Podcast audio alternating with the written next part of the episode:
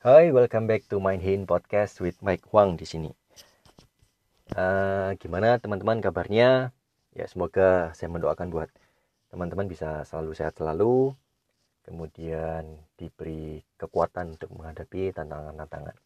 Nah, hari ini teman-teman, uh, this is pop up in my mind adalah sesuatu yang menarik sekali tentang Mike. Kamu ini berpegang teguh terhadap apa sih? Kayak ada yang beberapa tanya seperti itu. Apa sih yang jadi peganganmu selama ini? Kenapa kok kamu masih mau belajar terus? Kenapa kok mau dengerin uh, YouTube? Beberapa orang kalau misalkan lihat diri saya, setiap hari itu nggak bakalan lepas dari yang namanya buku, kemudian podcast, kemudian eh, YouTube, YouTube YouTube edukasi, kemudian informasi, kemudian ada lagi yang namanya uh, kalau sekarang ya ikut course dan sebagainya. Why? Setiap orang beberapa tanya kamu ini nggak capek apa? Sekolah sekolah sekolah masih sekolah terus padahal uh, sudah saatnya kan memang harus bangun bisnis. Yes for me bangun bisnis itu penting. Dan salah satu cara untuk bangun bisnis adalah kita mengembangkan dirinya kita kan? Makanya kenapa kok waktu itu di podcast yang sebelumnya it's about KPK kalau teman-teman belum dengerin coba dengerin video uh, podcast tersebut. Saya share tentang yang namanya ada KPK komitmen uh, sorry uh, keputusan pengembangan diri dan komitmen. Nah pengembangan diri ini kan it's must kalau kita membangun bisnis. Jangan cuma ambil keputusan aja tapi kita juga harus ber, uh, berkembang diri kita. Jadi kenapa kok uh, saya harus mengembangkan diri saya terus. Nah tapi saya ada sebuah filosofi kalau dulu mungkin saya akan berpikir saya kesulitan untuk menjelaskan kenapanya kenapa kok saya harus berkembang setiap hari. Kemudian saya bertemu dengan my partner my mentor juga. Kebetulan kita seumuran but for me mau berapapun umurnya is not about the age kan? Tapi uh, experience-nya seperti apa kemudian kemampuannya seperti apa perjalanan hidupnya seperti apa Nah, waktu itu saya ketemu dengan uh, eh, Mr. Royli, dia sharing-sharing about Kaizen. Oke, okay. dia sharing-sharing tentang yang namanya Kaizen. Dan sebelumnya jujur, saya pernah mendengarkan cerita yang sama. Waktu itu dari mentor saya yang lain. Dia sharing, tapi saya belum kena. Tapi waktu Mr. Roy ini cerita, saya langsung kena. Ah, ini jawabannya. Kenapa kok saya memutuskan diri saya untuk berkembang setiap hari. Oke. Okay? Nah, ceritanya adalah tentang yang namanya Kaizen. Oke, okay? teman-teman bisa cari Kaizen itu apa. Kaizen itu adalah uh, semboyannya orang-orang Jepang. Kenapa kok mereka bisa menjadi negara yang dengan bisa dibilang cukup banyak mereka mengambil nomor satu di dunia. Otomotif kita nggak usah tanya, otomotif nomor satu di dunia kita udah cek. Itu adalah yang namanya Toyota. Oke, okay? Asal dari mana? Dari Jepang. Mereka nggak ngurusin tentang yang namanya spesifikasi model sports car atau apa. Kalau misalnya mau model sports car atau apa cari aja Lexus oke? Okay? dia bangun yang namanya Lexus. Sudah beda segmen lagi. Dia melihat yang namanya niche marketnya sudah sesuai. Toyota. Ketika Ford bisa membangun sebuah mobil menciptakan sebuah mobil sekian minggu untuk dapat satu mobil Toyota bisa membuat sebuah mobil itu hanya hitungan jam. Can you imagine that? That's why kenapa kok mereka bisa penjualannya paling banyak. Karena apa?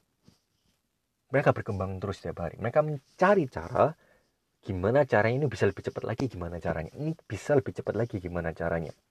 Penjualan bisa makin cepat lagi gimana caranya. Spare part spare part bisa uh, penjualannya lebih cepat lagi gimana caranya. Setiap hari mereka evaluasi terus. Dan setiap hari mereka berkembang terus berkembang terus berkembang terus. So that's why kenapa kok uh, kebudayaannya Jepang itu seperti itu. Ibarat seperti kura-kura. Oke? Okay? kura-kura kalau misalkan teman-teman pernah dengerin ceritanya kura-kura versus kelinci.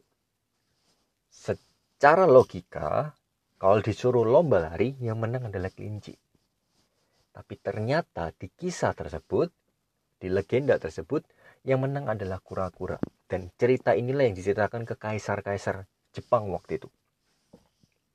Sorry. Diceritakan kekaisaran Jepang waktu itu. Ketika mereka mengalami yang namanya uh, pengeboman di Hiroshima dan Nagasaki. Ekonominya hancur Jepang. Oke okay? bisa bayangkan. Pulau yang nggak terlalu besar tapi dihancurkan langsung mati ekonominya. Karena dua kota ini adalah dua kota sentral di Jepang Hiroshima dan Nagasaki. Akhirnya Kaisar Jepang waktu itu mengumpulkan pengusaha-pengusaha yang tersisa kemudian dipanggilkan seorang penasihat dari Amerika. Saya lupa Amerika atau Inggris. Dan penasihat ini bercerita tentang yang namanya kisah kura-kura versus kelinci tadi. Dan hal inilah yang membentuk pola pikir pengusaha-pengusaha Jepang waktu itu. Dan diberikan turun temurun sampai sekarang yaitu adalah kisah tentang yang namanya kura-kura kenapa kura-kura bisa menang melawan kelinci karena konsisten dan bergerak terus setiap langkah, setiap langkah, setiap langkah, setiap langkah. Satu langkah lagi, satu langkah lagi, satu langkah lagi, satu langkah lagi. Itu yang dilakukan sama kura-kura. Berbeda dengan kelinci. Waktu itu uh, saya saya nggak terlalu ingat nama penasihat penasihatnya siapa. Karena waktu itu penasihat ini adalah penasihat yang dibuang oleh Amerika, saya ingat sekali, dibuang oleh Amerika Serikat ketika dia menceritakan tentang konsep kura-kura dan kelinci ini tadi. Dia ceritakan ke kaisarannya dia bilangnya adalah Amerika dan Eropa itu seperti kelinci. Merasa dikdaya sekarang tapi mudah terlena. Oke. Jepang harus seperti kura-kura. Kalau mau besar. Kalau mau menjadi nomor satu di dunia. Dan konsep atau prinsip inilah yang dipakai sampai sekarang. Anda coba cek deh. Cerita kartun anime yang terkenal adalah Jepang. Komik Jepang. Teknologi anda nggak usah tanya. Jepang. Oke. Walaupun Jerman seperti apa-apa ya sekarang memang China lagi naik-naiknya ya China lagi naik China lagi berkembang atau apa tapi teman-teman bisa cek gimana caranya Jepang waktu itu mengembangkan sektor-sektor bisnisnya mereka seperti apa apalagi tadi ya otomotif vending mesin Oke, kalau teman-teman datang ke Jepang itu seperti dunia modern ya di Tokyo misalkan. Teman-teman bisa mencek teknologi-teknologi baru muncul bermunculan di sana. Kalau sekarang sudah mulai berkembang ya di China. Nah, Korea apalagi. Nah, tapi konsep ini konsep inilah yang akhirnya waktu itu menginspirasi seorang Anthony Robbins. Oke, okay seorang coach, motivator, inspirator, entrepreneur terkenal di dunia, penasehat juga bagi pengusaha-pengusaha atau bahkan coach-coach di seluruh dunia. Namanya Anthony Robbins yang menciptakan kata-kata yang namanya can I. Commit to can I. Kani gitu ya. Can I itu apa? Constant and never ending improvement yang berarti Indonesia-nya adalah berkomitmen untuk uh, berkembang setiap hari. Walaupun hanya selangkah, walaupun hanya sedikit, tapi berkembang terus setiap hari. Jadi sesuai kenapa kok yang dulunya saya nggak tahu kenapa kok saya harus belajar belajar belajar terus saya nggak ada nggak ada kepikiran karena saya harus it's emas pikiran saya dulu cuma itu aja tapi ketika mendengar tentang konsep Kaizen dan Ken Ai ini, akhirnya saya mengerti kenapa kok saya harus uh, berkembang setiap hari. Begitu pula dengan teman-teman. Kalau mau menjadi pembeda dengan yang lain, teman-teman harus berkembang setiap hari. Walaupun cuma satu langkah. Oke. Okay? Simpelnya seperti ini, teman-teman. Kalau teman-teman masih sering reuni dengan teman-teman SD, reuni dengan teman-teman semasa SMP, SMA, kuliah misalkan. Teman-teman coba cek deh. Ketika kumpul-kumpul, pernah enggak teman-teman bertemu dengan mereka-mereka yang uh, dulunya, oh saya tahu dulunya kamu ini culun kok. Kok tiba-tiba sekarang kayak gini ya? Eh, tahun lalu kita ketemuan kamu nggak kayak gini deh. Eh, kok semak, sekarang semakin lama semakin dewasa ya? Eh, kok makin berwawasan ya orang ini ya? Berbeda. Karena apa? sometimes orang nggak tahu ternyata dia ini berkembang tapi sometimes ada yang tahu yes karena saya berkembang karena saya melakukan hal ini setiap harinya oke okay? so that's why kenapa kok uh, saya pun catat perkembangan apa yang saya pelajari setiap harinya. Saya dengerin YouTube ini saya mak coba potong rambut di sini saya coba makanan baru seperti ini saya catat. Catat catat yang casual saya catat yang untuk education saya catat. Semuanya saya catat supaya saya bisa tahu oh otak saya ini sudah berkembang seperti ini loh. Umur saya ini kelihatannya masih uh, segini tapi ternyata usia otak saya itu udah usianya sekian karena saya belajar terus setiap hari. Mengembangkan memasukkan input-input trying trial trial something setiap hari. Ikut course terus dicoba dicoba dicoba setiap hari. Dulunya nggak ngerti apa-apa sekarang ngerti ini ngerti ini ngerti ini ngerti oh nggak harus mahir ya. Tapi sudah mulai ngerti oh seperti ini seperti ini konsepnya seperti ini seperti ini seperti ini. Baik lagi kalau teman-teman dengerin yang namanya generalis versus spesialis sometimes teman-teman harus jadi seorang generalis dulu coba dulu coba coba ini coba ini coba ini coba ini. Nggak harus jadi seorang yang namanya mahir. Ketika udah memfokuskan dirinya untuk jadi seorang spesialis fokus untuk jadi kemahirannya di sana. Tapi kan harus dicari dulu. Oke? Okay? nah hal ini yang membuat saya ingat tentang yang namanya sebuah hukum di alam semesta ini yang di mana hukum ini yang menjadi pegangan saya juga. Yang namanya adalah one degree law atau hukum satu derajat. Nah, jadi saya belajar bahwa di alam semesta ya, saya bilangnya alam semesta ini bahwa ada hukum-hukum yang di mana Anda nggak bisa ngapa-ngapain, itu udah hukumnya. Contoh, hukum gravitasi mau kaya mau miskin mau ganteng mau jelek mau cantik mau tinggi mau pendek mau kulitnya bagus kulit putih kulit hitam semuanya deh ras apa pun kalau lompat dari lantai 18 atau lantai 20 ketinggian misalkan 50 meter terjun ke bawah gedung tanpa pakai pengaman apa pun mati.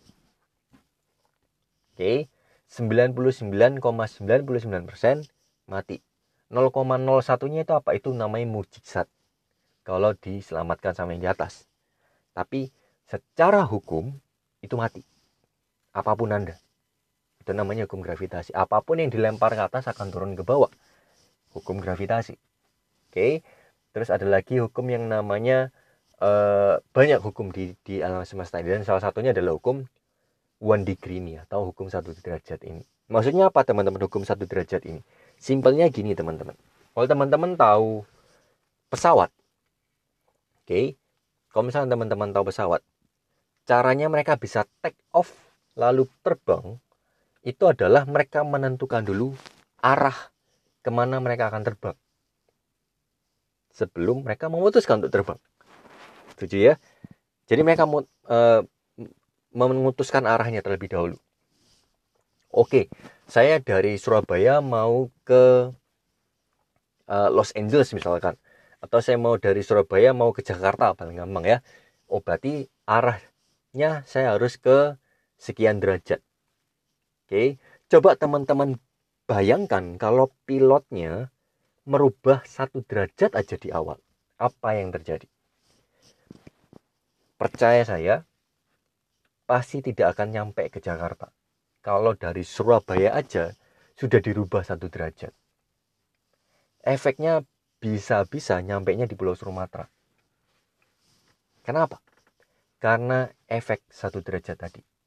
Kalau teman-teman punya busur gitu ya, coba teman-teman tarik panjang. Efek satu derajatnya. Tambah lama tambah besar perbedaannya. Oke, titik awal dengan titik yang ditambahin satu derajat itu perbedaannya kalau ditarik panjang efeknya bisa besar begitu pula dengan yang namanya pengembangan diri begitu pula dengan yang namanya kaizen begitu pula dengan yang namanya kenai itu adalah hukum hukum satu derajat. Oke garis merahnya adalah hukum satu derajat ini teman-teman. Jadi kalau teman-teman berpegang teguh tentang yang namanya hukum satu derajat it's okay kalau teman-teman ngalami yang namanya kegagalan. It's okay teman-teman ngalami yang namanya jatuh. Tapi yang penting teman-teman belajar. Saya udah pernah ngalami yang namanya tutup usaha. Itu nggak cuma satu dua.